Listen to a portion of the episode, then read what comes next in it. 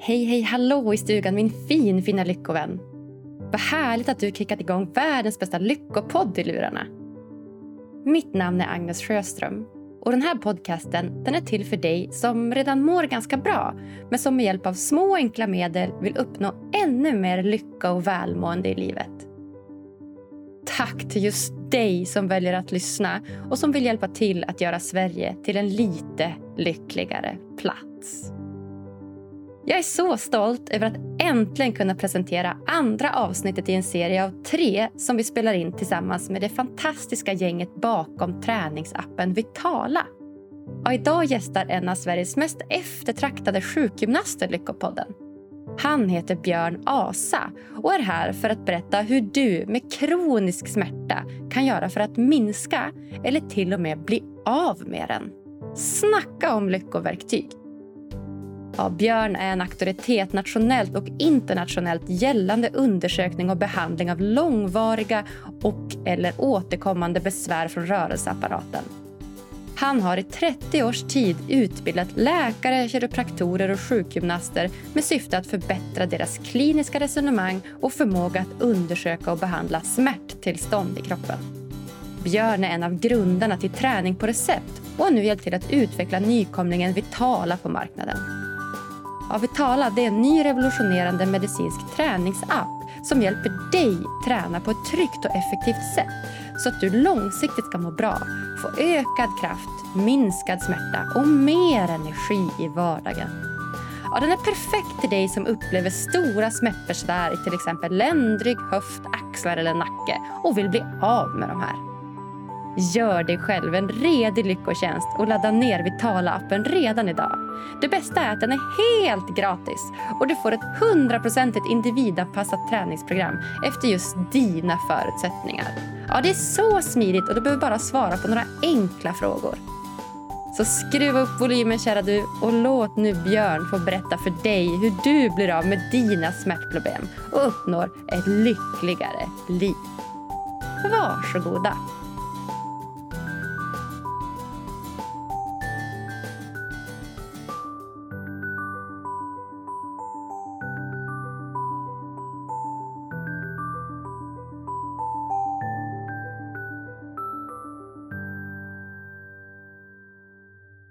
All right, varmt välkommen till Lyckopodden Björn Asa. Tusen tack, jätteroligt att vara här. Vilken ära det är att ha, ska jag säga, Sveriges bästa sjukgymnast i podden. Ja, det vet jag väl ändå inte, men det är ändå kul att vara här. Ja, ja jag har ju hört massa skryt om dig från dina barn. ja, hört... från barnen är det. ja. ja, det är lite partiskt. Det, det, det, är lite partiskt, det kan jag för sig förstå. Men jag vet att du har väldigt mycket, mycket kunskaper inom just ja, smärta och sjukgymnastik och liknande. Mm. Ja. Kan du inte berätta lite? Vad, vad har du för utbildning? Du får skryta ordentligt om dig själv nu. Vad, vad, vad är du bäst på? Nej, men alltså, jag har ju hållit på i det här yrket nu i väldigt lång tid. Det är väl typ bra bit över 30 år i alla fall. Ja, jag har varit intresserad av att liksom försöka förstå det här med funktion i människokroppen och eh, om man pratar om funktion i människokroppen så måste man också tänka på smärta för det hör ju ihop. För de patienter som kommer de har ju smärta och så har de någon typ av problem med att, med att röra sig. Och det är väl det jag har hållit på med i, konstant egentligen i alla dessa år. Varför? Varför det? Varför just smärta? Ja, därför att jag tycker att det är så intressant. Och sen är det ett sånt ämne som aldrig tar slut för att det är så, det är så komplext. Det är så, för det har att göra med människans psyke, det har att göra med massa smärtmekanismer och det har att göra med allt som har med belastning att göra. Alltså man kan få besvär av att sitta still för länge, man kan få besvär av att springa för mycket eller lyfta fel eller, eller bara få besvär utan anledning. Och det är så djupt ämne och det gör det intressant att eh, förkovra sig helt enkelt. Vad skulle, du säga, vad skulle du tycka är värst? Är det fysisk smärta eller psykisk smärta? Smärta är ju egentligen alltid samma sak. Alltså, hjärnan konstruerar, producerar och, och formar smärtan. Så det är alltid hjärnan som, som avgör om det ska bli smärta eller inte. Om, om du får en akut smärta, du trampar på en spik eller vad som helst, då kommer det upp en varningssignal från, från den spikområdet i, i foten som träffar hjärnan och då avgör hjärnan om det är ett hot eller inte. Men det är inte bara det, utan hela hjärnan engageras i den här eh, analysen av vad som har hänt. Så att först så kommer ett, en del av hjärnan att notera att aha, här kommer en varning. Nästa del av hjärnan säger, analyserar varifrån kommer den? Sen kommer ytterligare del av hjärnan som avgör, är det farligt? Är det inte farligt? Hur ska jag agera? Ska jag skrika? Ska jag hålla tyst? Vad ska hända? Och det är alltid en massa tankar och känslor med i en smärta. Och eftersom hela hjärnan är engagerad i att producera, konstruera smärtan så spelar det egentligen ingen större roll var smärtan kommer ifrån. Va? Så att om du har, om du har, ska vi säga, om du har sorg, drabbas av sorg eller om du har tankar och känslor som tar så mycket plats så är det, kan smärtan lika gärna komma från det området så det behöver inte komma från en spik i foten. Om man så säger. Det kan komma från alla håll och kanter och hjärnan avgör om det här är någon typ av signal som ska tas på allvar eller inte. Så det är samma sak egentligen, psykisk och fysisk smärta. Det, det är ingen större skillnad på det hela, förutom vad som utlöser det hela. Just det. Så att, så att säg då att du skulle trampa på en spik då som är en sån yttre smärta då, som mm. jag skulle kalla det. Mm. Skulle man kunna trampa på en spik och man, in, man upplever ingen smärta? Jajamän, det händer också. Hur går det till? ja, det, det, har man ju frågat sig flera gånger. Det, det var ju så här att på, på 1600-talet, om man ska gå långt tillbaka i tiden, så var det en, en vetenskapsman som hette Descartes.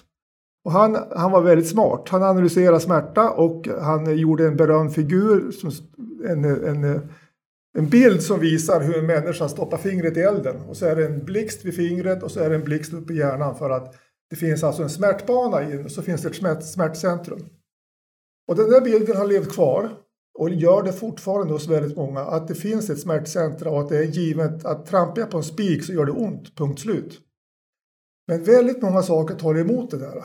Därför att det finns ju fullt med studier på soldater i krig till exempel eller iakttagelser på soldater i krig som, som springer kilometrar utan att de har en fot kvar.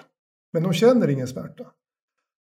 Det finns jättemånga sådana exempel. Alltså det finns inte bara i krig utan man, på 80-talet så satte de sig ner, två stycken berömda forskare, på akutmottagningen i Toronto och intervjuade alla som kom in på akuten med tydliga sårskador efter olyckor och sånt. Och så exkluderade de alla som hade ja, som var drogpåverkade eller var i chock och sånt där. Men alla som kunde prata och sånt så eh, de, frågade de om de hade smärta eller inte. Och de hade ju uppenbara besvär. Men 49 procent upplevde ingen smärta på akuten. Och det var framförallt de som hade ytligare skador. De som hade lite djupare skador som, var, som gick mer på djupet. Där var det typ, jag minns inte exakt, men kanske 35 procent som inte kände smärta. Och vad kände de istället då? Det var ju ingen krigssituation så att de var euforiska för att de har överlevt kriget utan det var ju något helt annat. Det var ju bara en vardagshändelse att de satt på akuten. Och det, det de kände det var ju mer att ilska på sig själv. Hur kunde jag vara så klantig och hur ska jag nu hinna med det här och hur ska jag kunna förklara det här och nu kommer jag för sent och sådana saker. Va? Det upptog jag, eh, hela deras tankeverksamhet. Och vid sådana tillfällen då anser inte hjärnan att den där skadan är ett hot. Utan då är det viktigare saker som prioriteras och då känner man ingen smärta. Och du känner heller ingen smärta om du är fullt upp och har roligt och gör illa det. Ja, just För att då är det det som tar över. Va? Helt sant. Du kan ju ibland märka att du har ett blåmärke någonstans. Och det är ju uppenbart något som har hänt. Det har blivit en blödning och då någonting har ju inträffat. Va? Men du, inte, du kommer inte ihåg vad du gjort. Nej. Och då ansåg inte din hjärna att det här är någonting att fästa sig vid direkt. Utan det här kan vi skippa. Det är bara ett, ett en ström av information som vi just nu inte behöver ta hänsyn till. Som sorteras bort i all annan information som kommer in till hjärnan. Mm -hmm. Okej, okay. ah, shit vad coolt. Så att ett sätt då att aldrig uppleva smärta det är att ha så kul man bara kan så att det aldrig gör Exakt. ont. ja. ja, så är det faktiskt. Ja. Men det är svårt att ha så kul hela tiden. Ja, va? det är ju det. det, är ju det. Ja. Men det var, det var härligt att veta för det kan man ju relatera till själv. Att när man så här, gjort något kul, någon idrott typ som man tycker är väldigt rolig och så ja. slår man sig men då bryr man sig typ inte. För, Nej, det är viktigare att ha kul. Ja, precis. Du kan jämföra om, om du stöter armbågen när du har kul mm. i någonting och du får någon, någon, typ av skada och du känner det inte. Men stå och frys på en busshållplats och stöta armbågen på samma sätt så kommer det göra väldigt mycket mer ont. Ja, verkligen. Och man blir mer arg. ja, du blir mer arg och irriterad på att det ja. hänt. Så situationen när det händer, det är liksom det som avgör omgivningen och, och tillfället som avgör om det ska kännas eller inte kännas. Ah, shit, vad coolt. Alltså, jag har aldrig varit hos en sjukgymnast och heller aldrig hos en akupunktör. Det är typ så två saker som jag har på min mm. bucketlist att jag vill göra innan jag dör. Jag tycker det skulle vara coolt. Var glad för att du sluppit. ja, exakt. Jag borde egentligen mm. vara det. Men, men just att gå till en sjukgymnast, det känns som att det hade varit intressant att liksom lära sig. För det känns som att ni jobbar väldigt förebyggande med smärta. Eller hur funkar det? Ja, alltså det är ju, helst skulle man vilja jobba förebyggande. Mm. Men eh, det är svårt eftersom det går ju att se att den här människan ursäkta, kanske inte belastar kroppen på ett sånt här ska man säga, biomekaniskt perfekt sätt. Så det finns ju utrymme för att det skulle kunna hända någonting eventuellt. Men att då motivera den människan till att förändra någonting är inte så lätt eftersom de inte har upplevt något besvär av det ännu. Men vissa saker är helt uppenbara om man har liksom om man har vinkelförändringar till exempel som barn. Vissa vill gå med fötterna mer utåt, andra kan gå med fötterna lite mer kobent inåt. Till exempel. Och det är ju för att höften är liksom, man är född med vissa vinklar. Då kanske man kan råda dem till att om du är lite mer inåtfotad så ska du inte dansa ballett till exempel eller något sånt där. Va? För att det kommer slita mer på kroppen. Men det är svårt att jobba förebyggande eftersom det är svårt att motivera. Så de flesta som kommer, de har ju redan drabbats av någonting. Men man kan ju förebygga att det händer igen. Det kan man göra. Det kan absolut mm. göra. Just det. Ja, men precis. Och det är lite där den här appen kommer in som vi egentligen ska prata lite mer om idag. Vitala. Mm. Det är ju det som är då den här ja, medicinska träningsappen som jag vet att ni har utvecklat som vi nu har ett samarbete tillsammans med just för att vi vill minska liksom, smärta då bland Sveriges befolkning. Så att, eh, mm. eh, vad är den här appen Vitala? Vad är det för någonting och vad, varför finns den? Den kom till egentligen därför att grundarna som är mina två av mina barn. De har sett problemet, framförallt Jesper som du har pratat med förut här, han som är läkare. Han såg problemet med hur ska man specifikt träna upp om man, om man jämför med idrottare, han själv spelar ju hockey då, så han funderade runt hur man tränar upp sig, olika saker som händer i kroppen i, form av, i, i samband med idrott. Men sen började han fundera, när han började läsa medicin också, hur ska man göra det här mot människor som har besvär? Och det är inte så enkelt därför att olika diagnoser ställer ju olika krav på belastningstolerans och sånt. Och eh, då, då startade de ju först något som heter träning på recept. Och det var alltså specifikt riktad träning mot en viss typ av diagnos. Och så lanserade de den och fick så mycket frågor om hur ska jag göra som inte bara har en diagnos, jag har ju flera diagnoser. Och eh, då kom de på att vi måste anpassa träningen efter den diagnos som är viktigast och ta hänsyn till de andra diagnoserna. Och eh, någonstans där så, så föddes idén om att göra en app som tar hänsyn till hur människan är här och nu och sen anpassa träningen till den just individen som använder appen. Det är inte några generella program utan det måste individanpassas. Så det var väl så eh, det gick till. Och sen är det så att väldigt många bor ju inte så att de kan komma loss på någon träningslokal eller sånt där eller få hjälp av någon i, i träningen utan jag menar, bor du tre mil från stan och, och vet att du måste träna men du har ont i ryggen och du har hjärtflimmer och du har diabetes och hur ska jag göra? Vem ska hjälpa mig att komma igång och vad är rätt och vad är fel? Och där kommer appen in och kan guida. Just det. Ja, nej, men Så spännande. För det, det är som du säger, det här är egentligen eh, andra avsnittet i en serie av tre som vi spelar in tillsammans med er på Vitala. Och mm. som du säger, förra gången så intervjuade jag ju din son Jesper Asa som är då läkarstudent och en av grundarna till den här appen.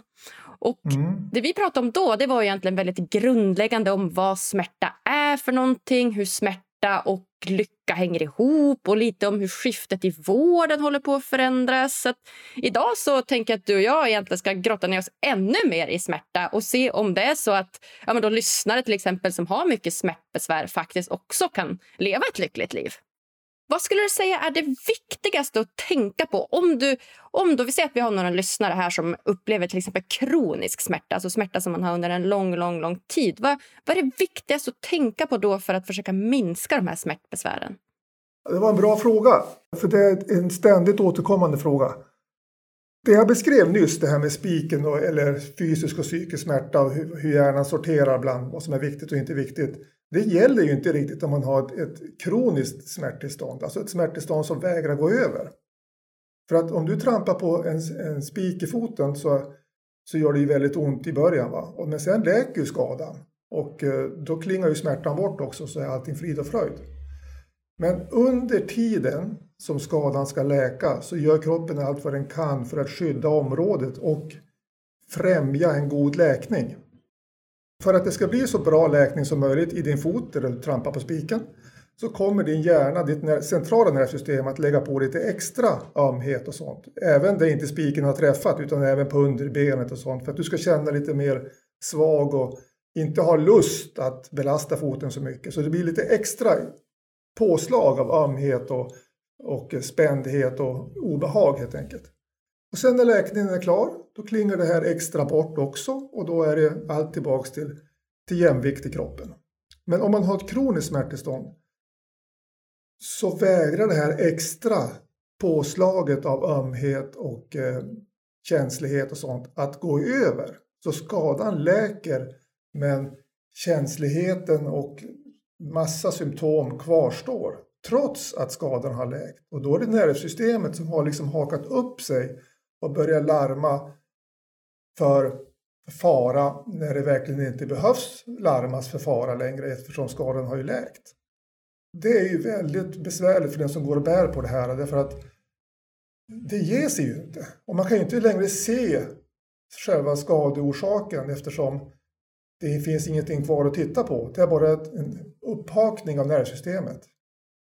Så det viktigaste att tänka på när man har kroniskt smärttillstånd det är för det första det viktigaste att göra för en sån patient ska jag säga, det är väl att undervisa dem om vad det är för smärtmekanismer som, som råder. Alltså det vill säga, nu är det inte längre ont för att du har en skadad vävnad, utan nu är det ont för att någonting hakar upp sig och det innebär att det inte längre är ett likhetstecken mellan ökad smärta och ytterligare vävnadsskada från det området, utan det är egentligen helt och fint. Det gör bara ont av helt andra anledningar. Och det måste man ju liksom berätta för den här människan. Och eh, framförallt ge dem kontroll att kunna förstå och styra bättre över den här känsligheten som de har. För det är ofta så att de är ju väldigt belastningskänsliga, de här med kroniska smärttillstånd. Om vi pratar om nackskador och ryggskador och sådana saker. Eh, de är ju känsliga och, eh, och försiktiga blir de ju också eftersom hjärnan hela tiden tror att det är något nytt som inträffar fast det är egentligen ingen fara och, fara och färde. Utan det är felaktigt. Larmsystemet larmar i onödan kan man säga. Just det, all right. Så du har haft liksom smärta någonstans som egentligen har läkt men där det här nervsystemet fortfarande liksom har hakat upp sig lite grann och fortfarande tror ja. att det är smärta. Ja, just det. För det är ganska vanligt att ha kroniska besvär i nacken eller ja, som du säger, axlar mm. eller rygg. Hur, om man har den här kroniska besväret då, som, som mest sitter liksom då mentalt i hjärnan, hur, hur gör du då för att bli av med det? Kan du bli av med det? Ja, det går att bli av med det, men, men det knepiga är att ja, för det första så sitter ju all smärta i hjärnan. Va? Men det innebär ju inte att smärta är inbillad. Även den här kroniska smärtan är ju en ytterst reell smärta. Det är precis som du pratar om den här psykiska smärtan den är ju lika sann bara för att den är inte mer osann bara för att den kommer från hjärnan eller för, som tankar och känslor utan den är ju högst reell, alltså det är ju att ta på allvar. Det gäller helt enkelt att man lär sig förstå mekanismerna som är olika hos alla människor och sen så agerar utifrån det och lär sig kontrollera det här tillståndet. Har du något exempel? Har du liksom exempel på hur man gör det? Säg att jag har liksom ett kroniskt ryggbesvär. Hur lär jag mig kontrollera det? Ja, till exempel om, om jag nu har ländryggsmärta och så har jag smärta när jag böjer mig framåt. När, när, när, om, när någonting händer akut för första gången det här inträffar alltså, då är det ju någon typ av reaktion som blir smärtreceptorer som fyrar av och signalerar upp till hjärnan att nu händer någonting här i ländryggen. Och så kommer stora försvaret på eftersom det anses vara ett hot av hjärnan. Och så spänner jag muskler och så försöker jag dra mig undan den här smärtan så gott det går. Sen som jag sa förut så när det här väl läker, vilket det gör ganska omgående, då kan det ju hända att jag har varit med om någonting så obehagligt. Så då tänker, då tänker du att det här vill jag inte vara med om, jag vill inte börja med framåt längre. Och skadan läker, men den här känsligheten består. För det har blivit ett, ett mer ihållande smärttillstånd det här nu. Som, och då börjar, ska vi säga, larmsignalerna gå även om de inte ska gå. Och att det blir så här i ryggen, det är för att vi har i hjärnan en minnesbank. Det kallas hippocampus, det området som samlar på sig alla minnen om vad som har hänt och sånt. Och det är som ett bibliotek kan man säga. Och när du då hade smärta och du böjde dig framåt, då, ska man säga, då, då blir det en bild av framåtböjning och smärta i den här delen av hjärnan som gör att när du gör andra saker som påminner om att böja sig framåt så gör det också ont i det akuta stadiet. Och då, då samlas det ihop, det blir ännu en ny bok om att när jag böjde mig dit så gör det ont och när jag sitter ner på stolen där så gör det ont. Och till slut så är det ett, ett helt kartotek av nya händelser tillsammans med smärta som gör att din kropp, din hjärna försöker varna för tillstånd som inte behöver varnas för. Så när skadan läker så finns det ändå inprogrammerat att när jag böjer mig framåt så gör det ont. Så varning, varning för att böja sig framåt. Och då upplever du samma, i stort sett samma obehag som du gjorde från början. Fast det inte längre är befogat. Och om man då har en sån, eh, ett sådant tillstånd det är alltså felaktig information. Det är ju inte faktiskt farligt att böja sig framåt nu för det var det tidigare men det är inte det längre.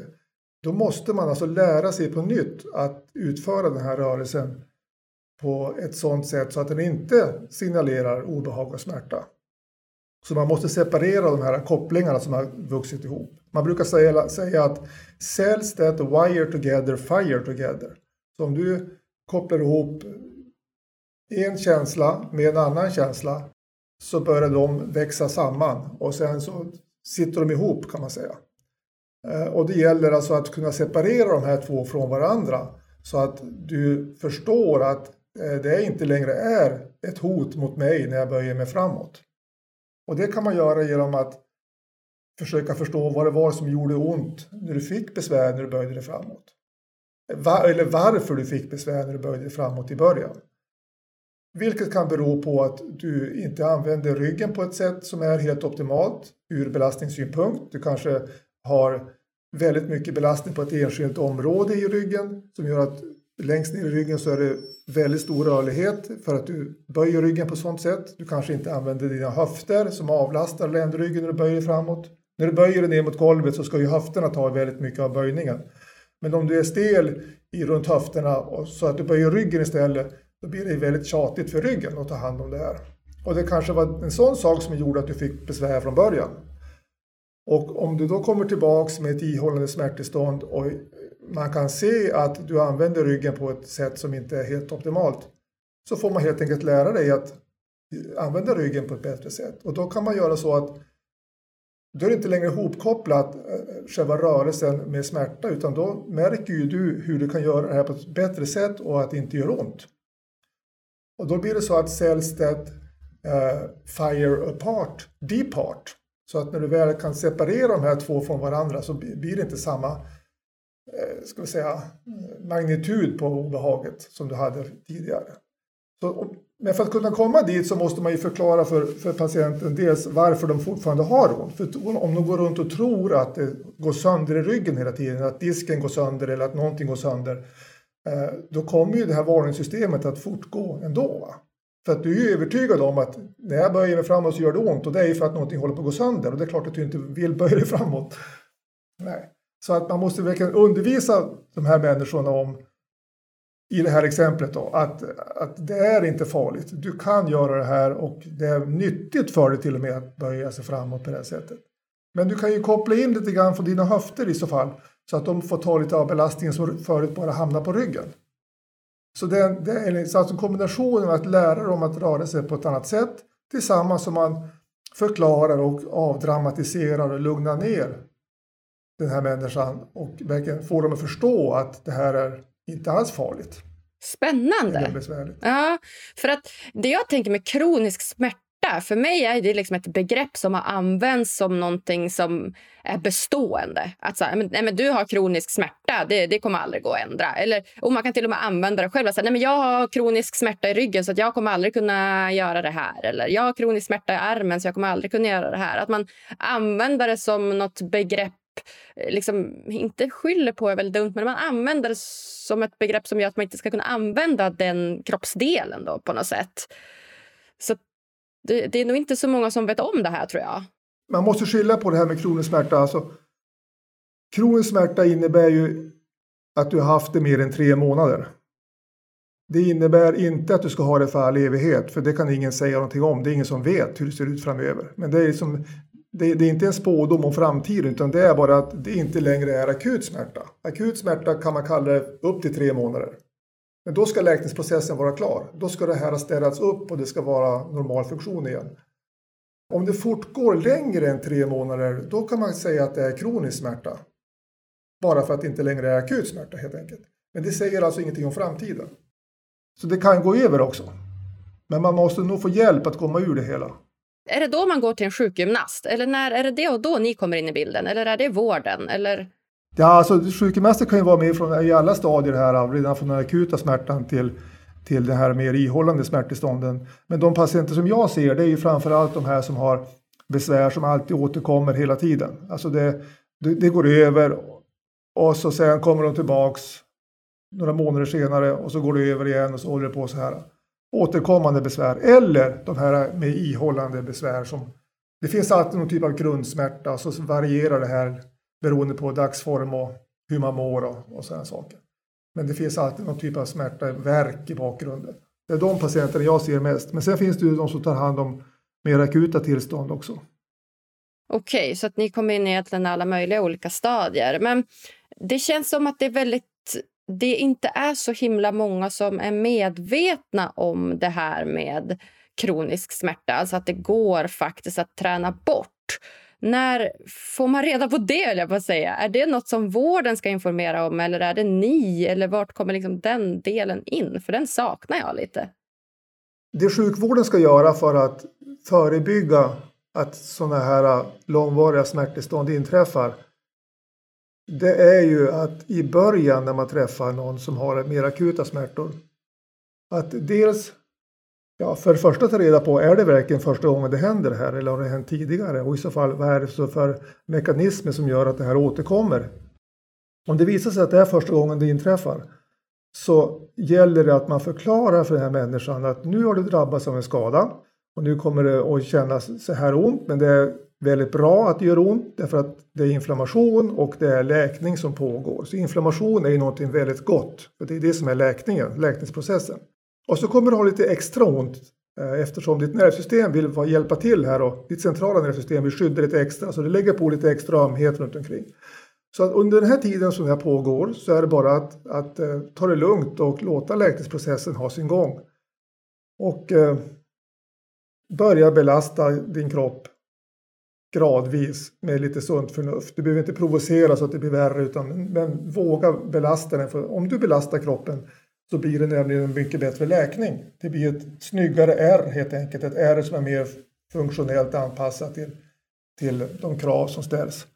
Så att det gäller att avdramatisera och sen ta tillbaks patienten så man ser att det inte börjar gå snett någonstans. För att orsaken till kronisk smärta, och det är intressant, orsaken till kronisk smärta det är inte egentligen hur stor skadan var. Utan orsaken är egentligen tankar och känslor runt det som har hänt och hur man uppfattar omhändertagandet i sjukvården och hur man uppfattar situationen som stort. Och det är den stora orsaken till att det, det liksom systemet fastnar och hakar upp sig och börjar larma för ingenting. Det är den stora orsaken. Så det finns ju exempel på jättelika skador som man sen inte alls har besvär av. Och gud vad spännande! Ja, likväl som små, små skador, alltså små vävnadsskador kan ge upphov till enorma smärttillstånd. Mm. Det finns alla möjliga exempel på hur, hur, dåligt det stämmer överens med förändringar, skador på vävnaden och upplevelsen av smärtan. Det finns egentligen, man kan aldrig säga att du har massa fynd på röntgen och då borde du ha så här ont. Det kan man inte säga för det kan lika gärna vara helt smärtfritt. Mm -hmm. Okay. Det korrelerar inte alls. Och ändå känns det som att man gör ju den korrelationen ganska ofta. Alltså att åh, du har de här eh, smärtbesvären på röntgen, du borde ha de här eh, riktiga eller psykiska smärtbesvären så att säga. Men det är ofta man drar den kopplingen tycker jag.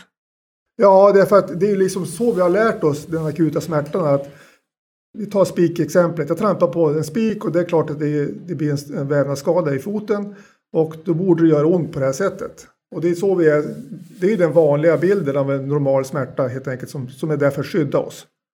Och det är den vi växer upp med. Men sen, sen är man ju inte liksom medveten om allt det här andra med hur viktig tankar och känslor runt skadan är och, och situationen i stort och hur sociala eh, aspekter påverkar.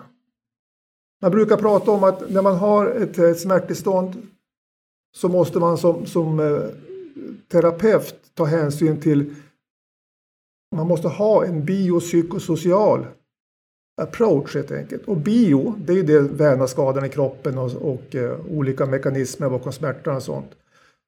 Och psyk, psyko, den här biopsykosociala, det är ju mer rädslor och undvikande och oro och sådana faktorer som också kommer att påverka.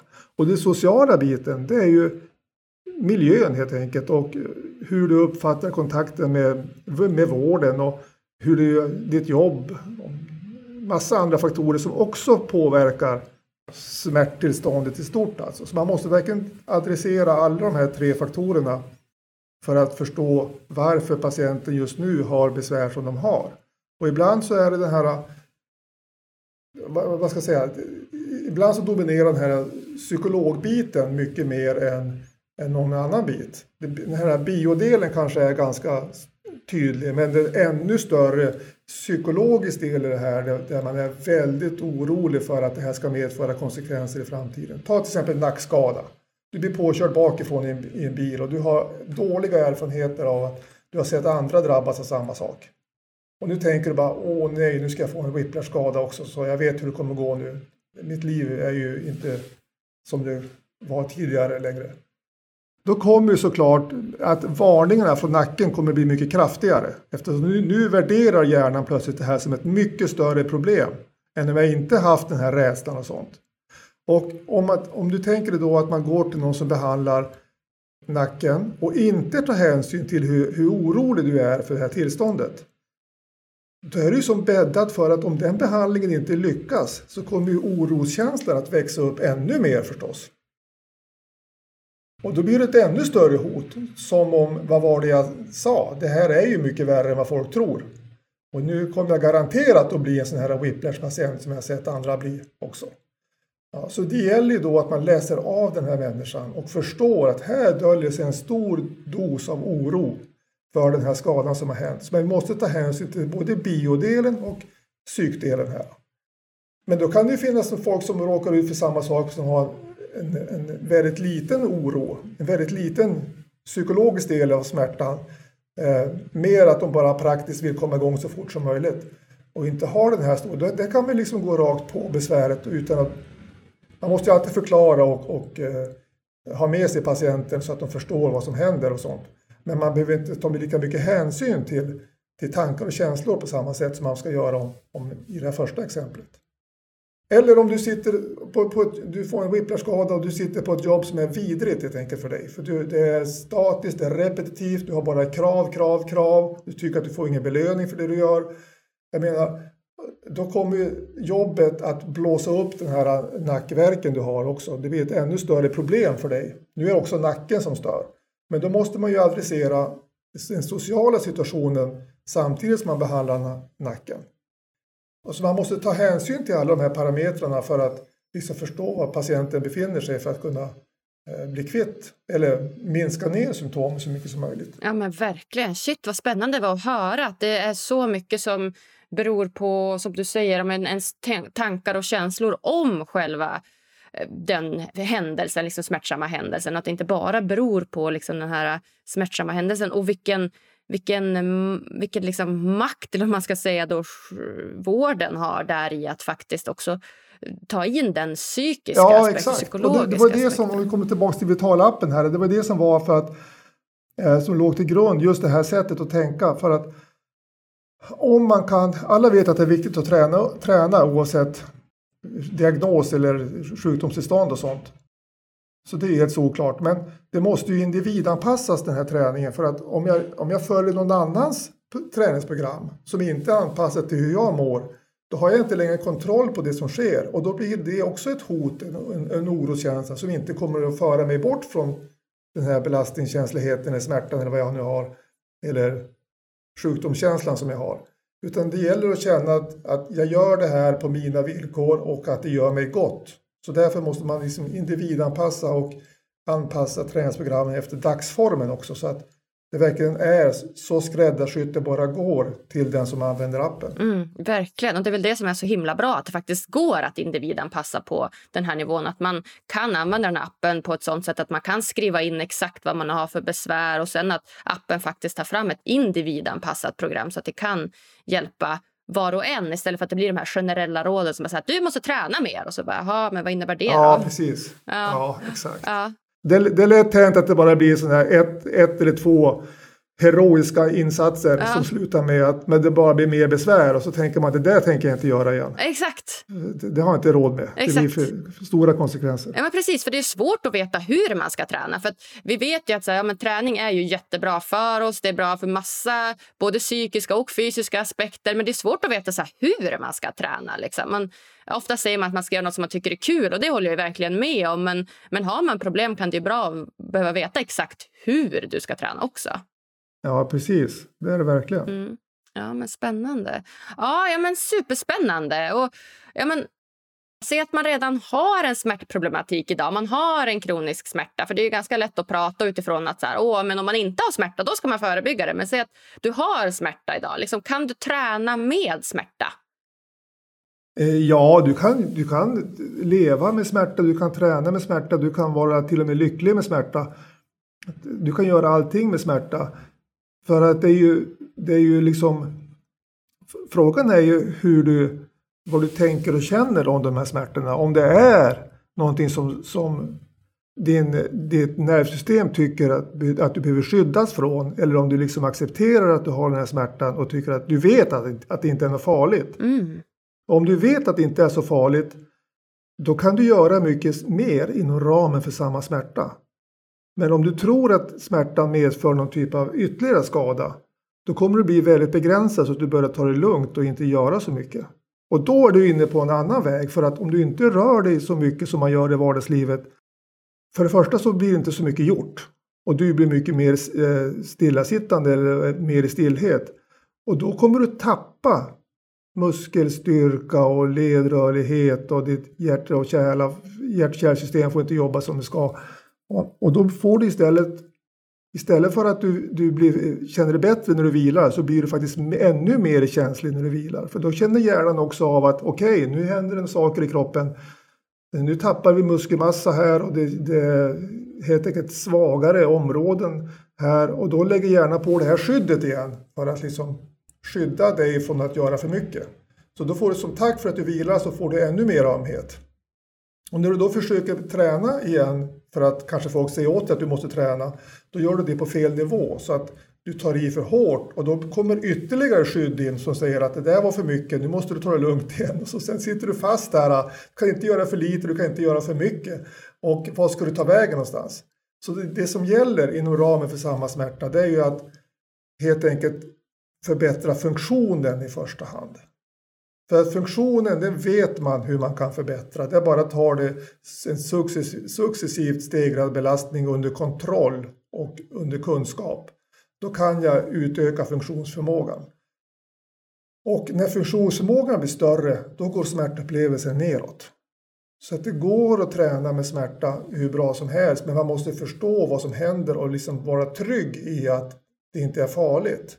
Och då blir det ännu bättre funktionsförmåga. Och då går smärtupplevelsen ner ytterligare. Just det. Så det är just den här funktionen. Ja, det är det man fokuserar på. Just det. Ja, men snyggt. Funktionen. Ja, men gud så bra att veta. Det här, för som du säger, att man kan faktiskt vara lycklig och uppleva smärta samtidigt. Då, utan det handlar ju mer om hur man förhåller sig till den. Då. Ja, precis. Ja. Ah, shit vad spännande.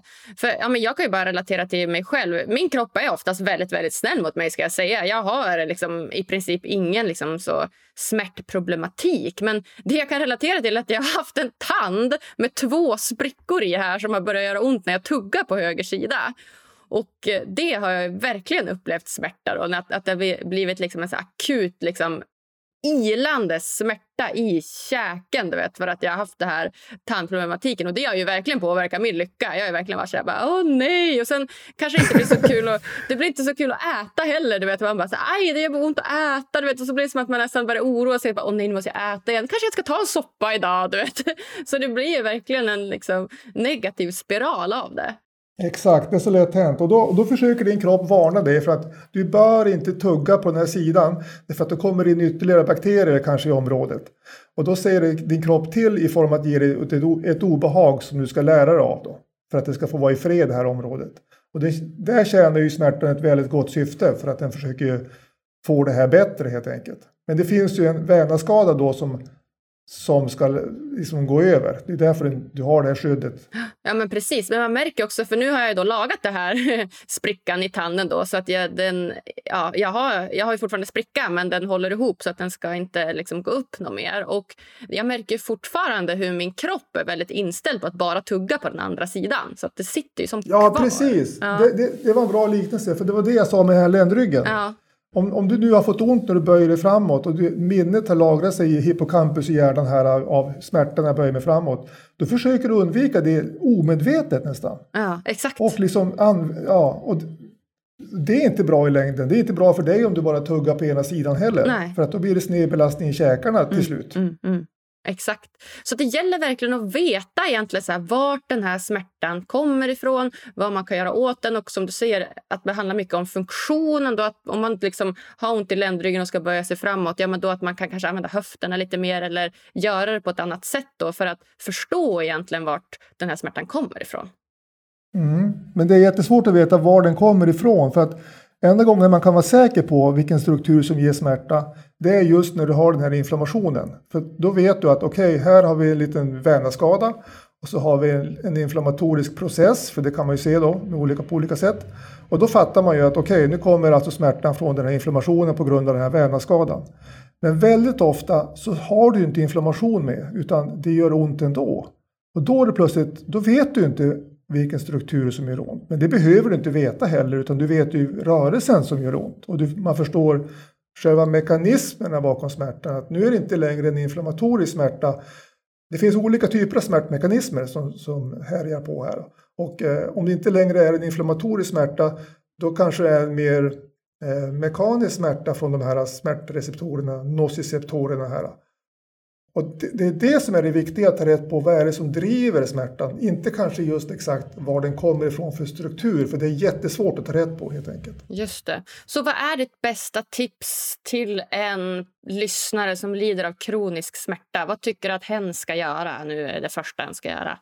Då tycker jag att, för det första så tycker jag att de ska få undervisning och, eh, av någon som kan förklara för dem hur det är just för dem och eh, liksom guida dem framåt. Och finns det inte möjlighet till sån kontakt så ska de börja att på lek försöka komma, komma igång med någon typ av fysisk aktivitet. Och det är ju Vitala-appen väldigt bra för den kan ju guida in dem i det här på rätt nivå eh, aktiveringen så att säga. Men att man tar eh, och försöker liksom på ett lekfullt sätt röra sig på, på nya sätt. Har man, har man besvär så fastnar man ofta i stereotypa rörelsemönster. Man gör alltid på samma sätt eftersom man vet att det går bra. Men man vågar inte improvisera och liksom böja sig snett eller, eller ja, du förstår. Man, det är, man är inte fri i sin rörlighet längre. Men man kan ju börja träna på att göra på, på ett nytt sätt. Man kan ju börja lägga in nya sätt att böja sig ner. Man behöver inte hålla ryggen rak och, och eh, liksom spänna sig för att gå ner mot golvet utan man kan ju börja ja, träna in nya sätt att röra på sig helt enkelt. För det är ett sätt att släppa på den här spänningen som finns. Och, men man måste också ha kontroll på situationen så att man måste förstå att det här inte är farligt för mig. Utan det, det är bara mitt nervsystem som har hakat upp sig och signalerar för någonting som inte borde varna för. Det är, inte någonting, det är ingen fara, det finns ingenting längre som, som behöver skyddas utan det är bara felaktig känslighet helt enkelt. Just just det. Ja, men exakt. Så att, samtidigt som man då liksom leker med lite nya rörelser och ser om man kan hitta nya sätt att göra den här rörelsen på, på ett lekfullt sätt så ska man också då, eh, ja, men i kombination med det då försöka söka hjälp då från någon som kan utbilda en till det Vem kan det vara? Vem ska man söka hjälp hos, tycker du? Ja, man, man behöver träffa någon som, som eh, nästan bokstavligen kan ta en i hand och guida in en i fysisk belastning igen. Mm. Är det läkare då eller är det sjukgymnast? Ja, det kan vara en läkare, det kan vara en sjukgymnast, det kan vara vilken terapeut som helst egentligen som har, som har den kunskapen att, att göra det. Och det finns, det finns det gott om folk som kan göra, men de finns ju inte överallt. Så att det är det som är problemet. Ja, just, just det. Kan man kontakta dig om man har sådana problem? Och kan man kontakta dig och liksom fråga frågor och kanske få hjälp av? Ja, det skulle man kunna göra. Man kan skriva till Vitala kanske och, Mm. och den vägen få kontakt. Ja, men Så himla bra. Härligt. Kul, Björn! Jag tänker att vi ska hoppa in på de sista frågorna här innan vi lämnar varandra, du och jag. Ja, okej. Eh, Den första frågan är då, vad gör dig riktigt lycklig? Eh, jaha, det var en bra fråga det också. Tack. Är du Riktigt... riktigt lycklig? Är det dina barn eller driver de dig mest till vansinne? Jag. Nej, mina barn gör mig lycklig hela tiden, det måste jag säga. Ja, Eh. Jag är världens lyckligaste förälder. Ja. Det säger väl alla föräldrar. De flesta i alla fall. Men jag, jag ska säga. Ja, men lycka för mig, det, det är väl mer en, en, en tillfällig peak av endorfiner som, som bubblar upp. Och eh, det är väldigt kortvarigt. Och det kan ju vara vilka faktorer som helst egentligen när, när allt stämmer och man, så man blir så här lycklig. Men det är ju en, en kort stund. Så det är svårt att säga exakt vad det är för då har man kunnat frambringa det hela tiden. Det, det är mer slumpen som gör att bitarna faller på plats så man blir lycklig. Det är mer harmoni, harmoni jag eftersträvar i så fall. Att ha, att ha lugn och ro och kontroll på det som händer omkring mig på en så hög nivå som möjligt. Och sen, ja så kanske det är. Ju, ju, ju mer harmonisk man är, desto lättare är det att nå de här lyckotopparna. Men jag tror inte det finns något recept på hur man når, når fram till dem eftersom det är så mycket tillfälligheter som gör dem. Men har du inga liksom, speciella händelser eller speciella situationer dit du kan koppla att du upplever lite mer såna här eh, lyckotoppar? Ja, ja, men det är ju alltid tillfredsställande när man, har, när man behandlar patienter och man ser att det verkligen funkar, att, att de blir bättre. Det är ju en, en, en, alltid en tillfredsställelse. Och det kan man faktiskt bli lite lycklig av också. Mm, faktiskt, att få hjälpa Ja. någon och se att det går bra. Liksom. Mm. Ja, Mm. dels får du kvitto på att, att det du har lärt dig eh, funkar på den här människan, att du har gjort rätt helt enkelt. Så du, du, är, du är tillfredsställd med ditt eget jobb Ja. och du är tillfredsställd med att du har hjälpt någon annan också. Ja, dubbel, dubbelt upp där, skulle man kunna säga. Ja, Ja. precis. Ja, vad fint. Om du fick ge lyssnarna en utmaning som de kan göra varje dag för att bli lite lyckligare, vad skulle det vara då? Ja, då ska jag nog uppmana dem till att eh, de som inte är så fysiskt aktiva ska börja använda sig av mer fysisk aktivitet Mm. på en sån nivå att de tolererar det hela. För att då kommer det att bli lyckokemikalier som frisätts. Mm. Ja, Och de medför endorfiner och sånt. Ja. Så att det medför så mycket andra positiva saker så att det är väl det bästa rådet man kan ge.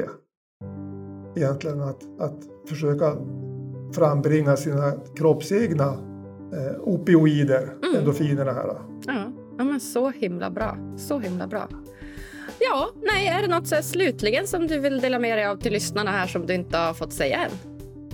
Jag kan inte tänka på något speciellt. Det var roligt att få vara med här och Vad roligt.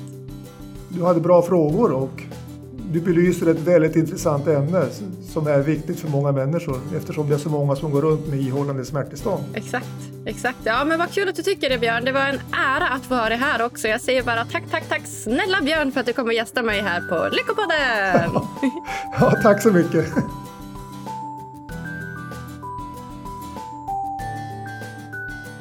Men så mycket nytt jag lärde mig av Björn gud så skönt att veta att kronisk smärta inte behöver betyda att du aldrig kan bli av med den. Utan tvärtom, du kan faktiskt bli av med den. Det hade jag ingen aning om. Med rätt rådgivning och med hjälp av Vitalas hälsoapp så kan du alltså minimera dina smärtbesvär totalt. Hur bra? Jag guidade det här avsnittet dig till lite mer förståelse om hur du kan uppnå mer lycka och välmående i livet. Då hade jag blivit så glad om du ville gå in på Podcaster-appen och lämna lite kommentar om vad just du tyckte om podden. Ge oss gärna så många stjärnor som du tycker det här avsnittet förtjänar också. Och om du missat det så finns vi såklart också på alla sociala medier. Där heter vi Lyckopodden. Ta hand om er nu finisar, så hörs vi på tisdag igen. Puss och kram!